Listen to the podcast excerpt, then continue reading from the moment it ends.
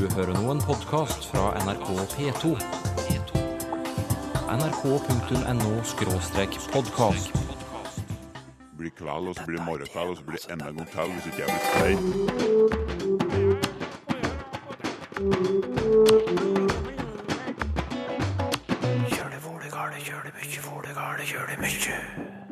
70-tallet ble norsk språk reddet fra en kommarevolusjon. Ei vanlig norsk avisside f.eks. ville sett eh, ganske annerledes ut hvis dette hadde gått igjennom. Og hvordan snakket de i Bergen anno 1764? I Bergen var det veldig mange ord som var preget av tysk. Det er kanskje Et av de mest kjente ordene som brukes fremdeles i dag, er jo dørslag. Skal vi utfordre lytterne litt i dag, Sylfest Lomheim? La dem gjette på et av uttrykkene du skal snakke om senere? Ja.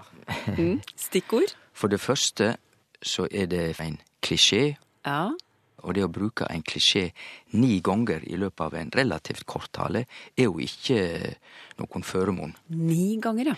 Og det andre er at dette jo egentlig er ei etterlikning av Støre-retorikk. Og så et siste hint. Ja, det er jo ingen tvil om at dette er en såkalt anglisisme. Ok, der stopper vi, tenker jeg. Løsningen kommer mot slutten av sendingen. Synes du det er vanskelig å sette komma på riktig sted? Jeg tar nok ikke munnen for full om jeg sier at vi er mange som føler vi ikke behersker absolutt alle kommareglene, og det er ikke noe nytt. På 70-tallet kom det forslag om å gjøre de fleste kommareglene valgfrie, nettopp fordi så mange av dem ikke ble fulgt. Det var altså sånn at I 1979 så, så foreslo faktisk Sekretariatet Norsk språkråd å avvikle så å si alle kommareglene. Det sier Bård Borch Michaelsen, som skriver om denne historien i boken Komma. Eh, De mente at kommareglene var vanskelig å forstå, og at eh, svært få brydde seg om dem.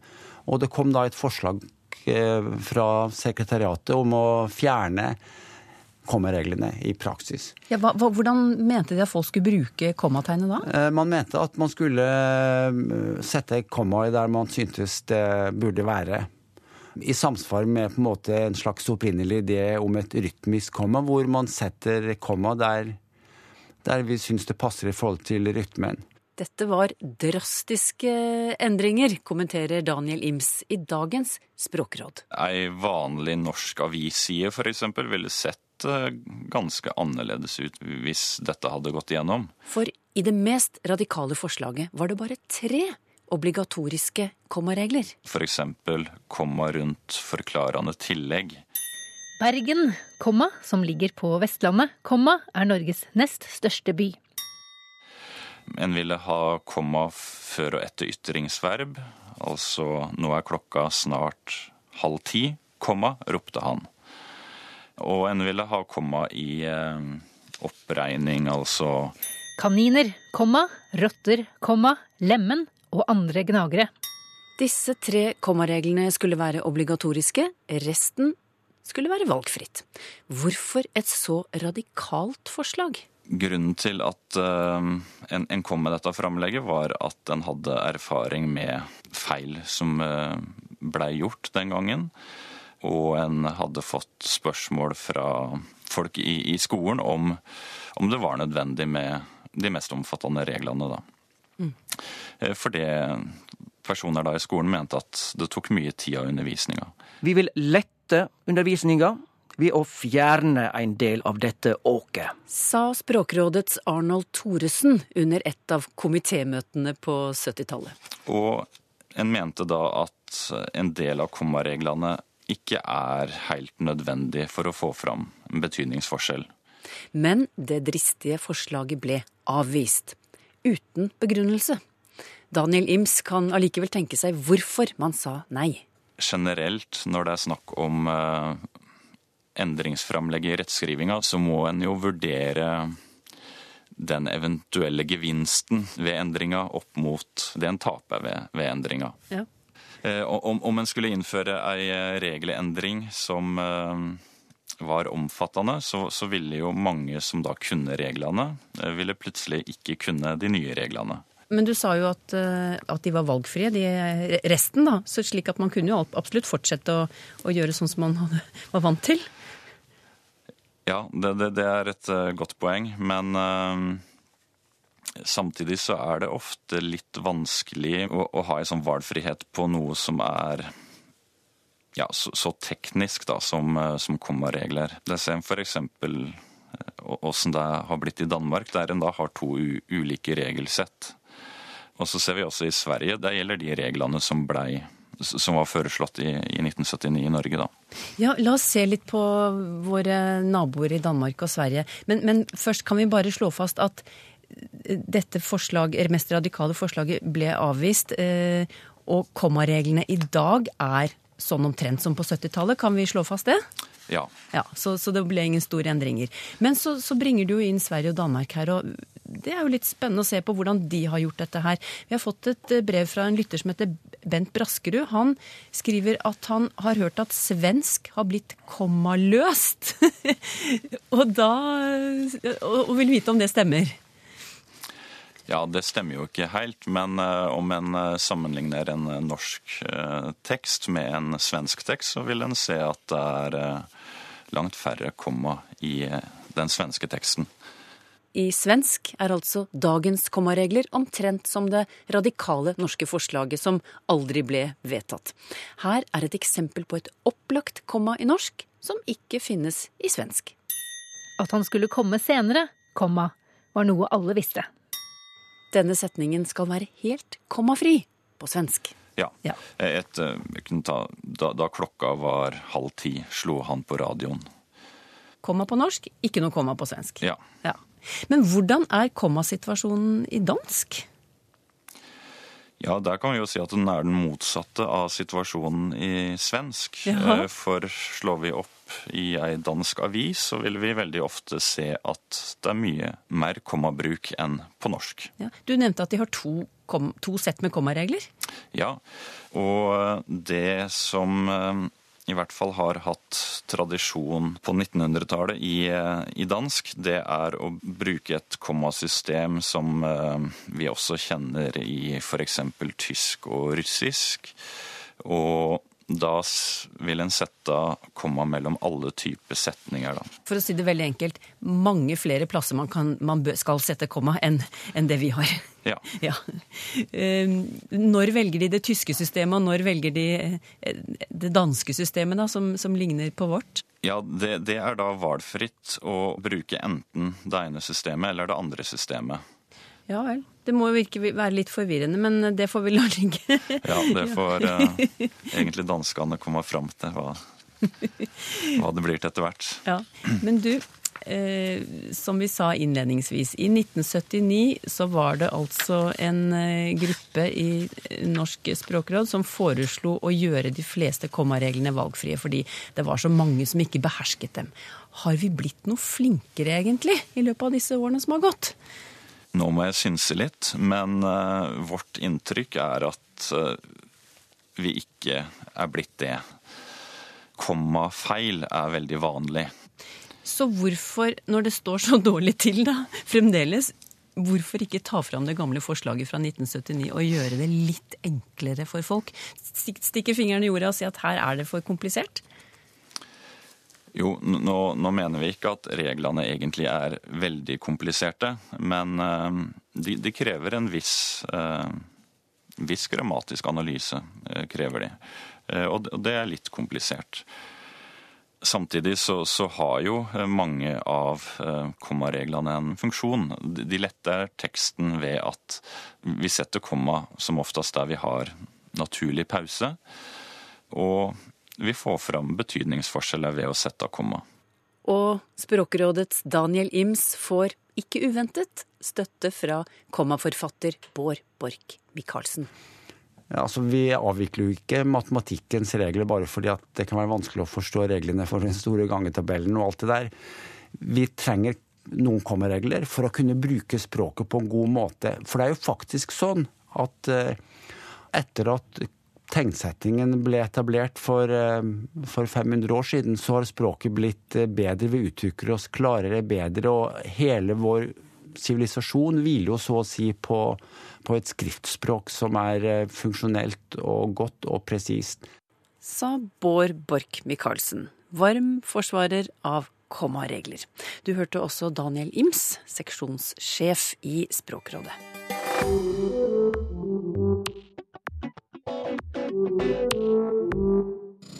Bak Bryggen i Bergen er et område gjerdet inn og utgjør byen i byen. På innsiden av gjerdet er tiden skrudd tilbake til 1764. Her skal 14 mennesker leve og bo som man gjorde for 250 år siden. Realityserien Anno på NRK Fjernsynet, den er populær. Deltakerne skal leve som man gjorde i Bergen i 1764, og gjennom programmene lærer vi en del om hvordan folk hadde det i vestlandshovedstaden på den tiden. Men hva med språket? Hvordan snakket bergenserne midt på 1700-tallet? Agnete Nesse, professor i norsk språkvitenskap ved Høgskolen i Bergen. Hva synes du vi bør vite om bergensernes talemål anno 1764? Det første er jo kanskje dette at det var, eh, det var jo den eh, nest største byen i Danmark-Norge, og klart den største byen i Norge. Og byen var preget av veldig mye innflytting. Eh, de fleste innflytterne kom fra andre steder på Vestlandet, men så var det en god dansk kontingent, og så var det mange, mange, fremdeles mange tyskere. Og det gjorde jo at byen var veldig heterogen språklig. Gikk du ut på gatene, så måtte du regne med å treffe noen som snakket annerledes enn deg selv, og du måtte tilpasse deg til det. Eh, I tillegg så var det sånn at fordi at det hadde vært tyskere i Bergen i så mange hundre år, så var befolkningen blitt tospråklig i den forstand at de forsto disse nedertyske eller nordtyske dialektene. Og de som kunne lese og skrive, det ser vi, de kunne også forstå og lese tysk. Men snakket folk tysk også? Nei, vi har ingen, eh, ingen, kilder som sier noe om det. Eh, tvert imot så tyder kildematerialet på at de faktisk snakket sitt eget språk. Og at tyskerne, når de kom, så måtte de lære seg å forstå det norske. Hvordan ble bergensk talemål preget av den nære kontakten med tysk språk? Altså, det skjedde nok på mange måter, men hvis vi ser litt på, på ordforrådet som ble brukt, så ser vi jo at uh, i Bergen var det veldig mange ord som var preget av tysk. Og det var det jo selvfølgelig også i andre norske dialekter og i dansk, men det var nok litt ekstra mye i Bergen da. Og For eksempel så kunne de godt si når de var ferdig med arbeidet sitt for dagen, at de skulle ta fyravent. Eh, altså det nedertyske fyravent, eller feierabend, som vi kjenner fra, fra moderne høytysk. Og en kunne godt også si om en person at, eh, at altså, kom til å starve, altså i betydning dø som er altså sterven fra nedertysk, eller sterben på høytysk. Mm. Eh, det er kanskje Et av de mest kjente ordene som brukes fremdeles i dag, er jo dørslag. Vet du hva det er? Ja, det er en Jeg ville kalle en jeg sier faktisk dørslag selv om, men en, ja. noe til å sile noe med. Ja. ja, ja. Det er jo da durch eh, og slag. Sant? Gjennomslag, egentlig. Og skomakerne snakket også om å dørneie, altså å sy gjennom noe når de skulle sy. Men hva med grammatikken, altså måten å bøye ord på, ble det også påvirket eh, av den nære kontakten med tysk? Det ble i hvert fall påvirket av det at det var altså nå Gjennom mange hundre år så hadde det vært så mye innflytting og så mye dialektkontakt og språkkontakt. Og det som ofte skjer i en sånn sammenheng, det er at grammatikken blir noe enklere. Og så typisk nok at bergensk bare har to grammatiske kjønn på substantivene istedenfor tre, sånn at det heter jenten og ikke jenta. Ehm, det har nok med denne kontakten som har vært i byen å gjøre. Og så ser en i, i disse gamle tekstene f.eks. at de bruker mye glasser og huser. Altså at de bøyer intetkjønnsordene på samme måte som hannkjønnsordene og hunnkjønnsordene i flertall. Og det er også en sånn forenkling. Når alt blir bøyd likt, så, så er det ofte et resultat av kontakt.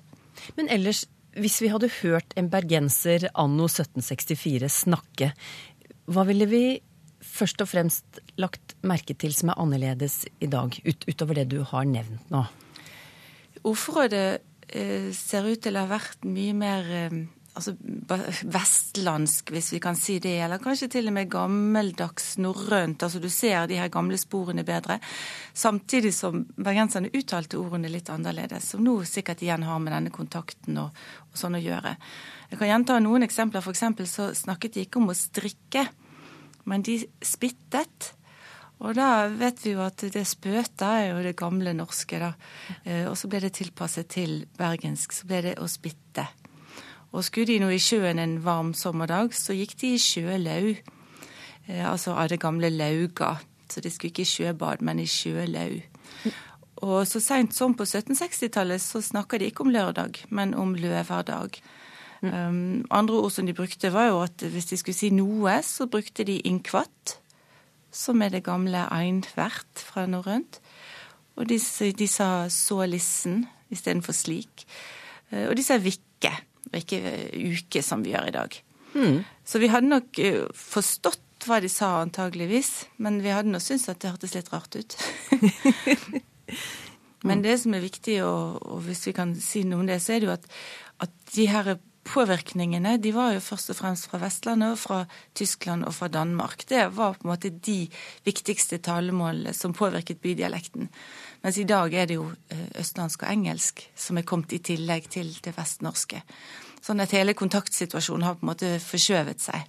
Og det får jo påvirkning selvfølgelig på språket. Når skjedde den eh, endringen? Det skjer litt etter litt etter at eh, Norge blir fri fra unionen med Danmark. Så fra, fra 1850 særlig kanskje og utover, så blir det danske borte og erstattes av det østlandske. Og samtidig omtrent så, så slutter folk å innvandre fra Tyskland. De reiser heller til USA eller de nye spennende steder. Sånn at det tyske språksamfunnet i Bergen det dør også ut mellom 1750 og 1850.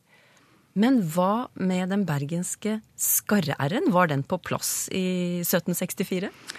Det er sikkert fryktelig skuffende for mange, men den var nok ikke det. Eh, det er et nyere fenomen. Um, På 1750-tallet så regner han med at den begynner å feste seg i, i Danmark, i København. Og så kommer den etter hvert til Norge. Og den nyeste forskningen viser vel at den antageligvis kanskje kom først til Kristiansand. Det ligger jo veldig nærmt Danmark. Og så at det er Bergen altså rundt, rundt 1800 antageligvis. Og i 1764 så har det ikke vært mange som har skarret. Og så selvfølgelig de som hadde talefeil, det har det alltid vært. I områder med ruller så er det alltid noen som har talefeil, at de skarrer. Men, men ikke som noe som voksne folk brukte på alvor. Ingen skarring i bergensmålet anno 1764. Det fortalte Agnete Nesse, professor i norsk språkvitenskap ved Høgskolen i Bergen. Så til dagens lytterspørsmål, Sylfest Lomheim. Eh, Men du, vi åpner med et aktuelt ord vi har plukket ut selv. Blasfemi. Her kommer et sitat. Jeg vil ikke si det er viktig å stå opp for retten til å drive blasfemi. Det sa Arbeiderpartiets leder Jonas Gahr Støre til Dagens Næringsliv, og dermed var debatten i gang. Og den debatten skal vi ikke gå inn på, men siden ordet blasfemi har vært brukt hyppig de siste dagene, hva kan du fortelle om det? Det er kort sagt, som veldig mange slike ord, det kommer fra gresk. Det er et fagord. Og den greske tyinga av ordet blasfemi kan vi si er uskikkelig tale eller baktale eller noe slikt. Ellers så kan vi jo òg legge til at eh, tradisjonelt så har fenomenet blasfemi og ordet også til og med vært et juridisk begrep i norske lover, altså at det har funnes i norske straffelover. Men eh, nå er det jo visstnok slik at i den nye straffelova så er ikke blasfemi lenger et juridisk begrep, men ordet vil jo stadig finnes. Å gjøre en forskjell. Flere lyttere skriver til oss om dette uttrykket, som blant andre statsministeren brukte i nyttårstalen sin. Heter det ikke å utgjøre en forskjell? En av dem som spør om dette, er Berit eh, Hernes. Og så kan det jo være greit å svare også på om å gjøre en forskjell er et uttrykk som kan brukes i det hele tatt. Ja, det er et spørsmål. Det er sant at eh, statsministeren brukte dette uttrykket ni ganger i nyttårstalen. Det var forresten en veldig bra tale, og den var veldig godt framført. Men jeg stussa på dette med å gjøre en forskjell, og faktisk av to grunner. For det første så er det fantasiløst. Det er jo en klisjé, og det å bruke en klisjé ni ganger i løpet av en relativt kort tale er jo ikke noen føremål. Og det andre er at dette jo egentlig er av en Høyre-statsminister ei etterlikning av Støre-retorikk, altså han som nå er leder i Arbeiderpartiet, for det var jo Jonas Gahr Støre som egentlig innførte dette uttrykket og gjorde det kjent. Gjøre en forskjell med boka som han skrev som utenriksminister, og den boka kom i 2008, så vidt vi husker. Og eh, da husker jeg faktisk jeg fikk spørsmål fra VG om dette egentlig var god norsk. Og til det svarer jeg at eh, ja, det er jo ingen tvil om at dette er en såkalla anglisisme, med andre ord et omsett uttrykk fra engelsk til norsk, som ikke har tradisjon i norsk. Og om det da skal aksepterast eller ikke, det blir jo ei, ei vurderingssak, og jeg vil jo kanskje av gode grunner ikke være så streng på det, men eh, det som er heilt sikkert, er at jeg ville ikke bruke det i norsk. Og det er rett og slett fordi at vi trenger ikke dette omsette engelske uttrykket, fordi vi har jo haugevis, ikke bare ett eller to, vi har haugevis av uttrykk i norsk som, som faktisk eh, tyder det samme og kan brukes på samme måten. Én ting er at vi, vi, har å utgjøre en forskjell, men så eh, kan vi jo ha eh, meninga i det gjør en forskjell. Det, det forandrer noe, kan vi jo si. Vi merker det jo, altså at det er en skilnad. Og dette blir noe annet enn det som før er omtalt. Vi har masse uttrykk som vi kan bruke for å gjøre en forskjell. Men å utgjøre en forskjell, eh, hvordan vil du eh, forklare det uttrykket? Kan det ha forskjellige betydninger? Ja, å utgjøre er jo det samme som det blir. Altså, det utgjør en forskjell. Det betyr ikke noe annet enn at det blir en forskjell. Og når det er en forskjell, så merker vi at noe har forandra seg. Eh, så det er ikke noe mystisk med selve uttrykket, men, men verbet gjøre en forskjell, slik som statsministeren brukte det, og slik som Jonas Gahr Støre brukte det i 2008, da det egentlig vart kjent, det er ei direkte omsetning av det engelske 'to make a difference'. Så det er altså en såkalla anglisisme. Ja, Og hva betyr det, da? Nei, det er vel det at eh, eh når noe gjør en forskjell, så merker vi det, og da er det bare ett spørsmål er det noe som er godt, altså vi merker at det har blitt bedre, eller merker vi at noe har blitt dårligere. De fleste vil vel si at når de bruker uttrykket at det gjør en forskjell, så tenker de egentlig på at noe har blitt bedre enn før. Men det ligger ikke i sjølve uttrykket, det er ikke nødvendigvis slik. Vi har fått en e-post fra Nils Ringdal. Han forteller at han hører ofte uttrykket ultimat om noe angivelig storartet. Men er det korrekt å si den ultimate ferie eller den ultimate filmen? Den etymologiske betydningen er jo den siste, så vidt jeg kan begripe, skriver han. Ja, det er rett, Nils Ringdal. Den eh, tyinga til ultimat på eh, latin er jo den siste eller den absolutte eller den endelege. Eh, så dermed, når vi bruker det som heilt topp, dette er ultimat oppleving, det er ikke et ord jeg bruker, men det blir jo slik brukt av mange, og da har vi jo begynt å strekke iallfall utgangsmeninga et stykke. Martin Holter har eh, lest Krig og fred av Tolstoy og lurer på om følgende passasje derfra må være opprinnelsen til uttrykket makkverk. Og her kommer et sitat fra romanen. Det er som ved olm. Han tenkte seg om for å finne ord. Det er makk. Det er makkverk, sluttet han, og så videre og så. Også i parentes her, makk Mack er en general som tapte slaget ved Olm. Martin Holter som føyer til det.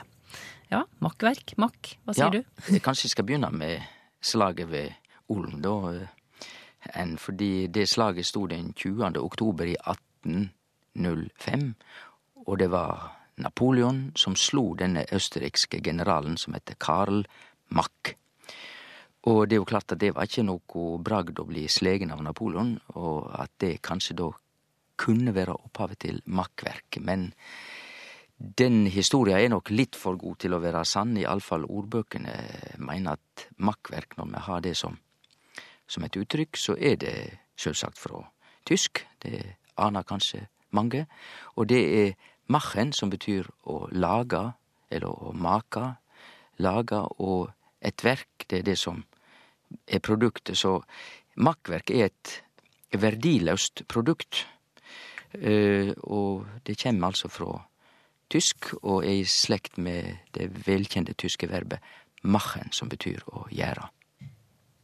Marte Holten Jørgensen forteller at hun alltid har hatt problemer med å holde ord som latrine, vitrine, lavine og ravine fra hverandre. Og hun spør er det noen sammenheng mellom disse ordene. De slutter alle på ine. Hva betyr det? Ja, Marte Jørgensen, sammenhengen er akkurat den som du er inne på. Det er endinga ine eh, som binder det sammen. Og den er fra fransk, slik at eh, substantiv på fransk som ender på ine, det er ei vanlig ending, og det er da i regelen hokjønnsord på fransk. Vi kjenner jo mange endinger i norsk som markerer, og det kan være skap, vennskap og vennlighet, altså het og skap, og ine er et slikt ord eller ei ending på fransk. Når det gjelder orda latrine og vitrine og lavine, så latrine er i slekt med et latinsk ord for å vaske, lavare. Og vitrine, det er vitrin på fransk, det har med, med glass å, å gjøre, altså et vindauge. Og lavine, det da er vi ute i naturen, og det er det som detter eller glir ned, så det er jo uh, skred og den slags som, som sklir nedover. Mm. Marte Holten Jørgensen forteller at hun har vært litt uheldig noen ganger når hun har, skulle fortelle folk at hun har et vitrineskap i, i, stua, så har hun kommet til skade for å si at hun har et latrineskap i stua. Ja, det, det, det blir litt uh, skummelt, fordi at uh, vitrineskap er typisk bruk av ordet på norsk, for det er jo et uh, skap med, med glassvindu. Og vitrin betyr jo da glass på, på fransk. Men latrine er, som alle veit, eh, en plass eh, Det er et ord for toalett. Har du spørsmål til Språkteigen? Skriv til Teigen, krøllalfa nrk.no, eller til Språkteigen, NRK P2, 7005, Trondheim. Så finner du oss også på Twitter og på Facebook. Jeg er nordlending. Jeg er bosatt i Oslo og får ofte komplimenter for at jeg har eh, dialekt. Det er jo litt trist at eh, folk på Østlandet føler at de mangler dialekt. Det skriver en lytter til oss. Språkteigen kommer tilbake til saken neste uke.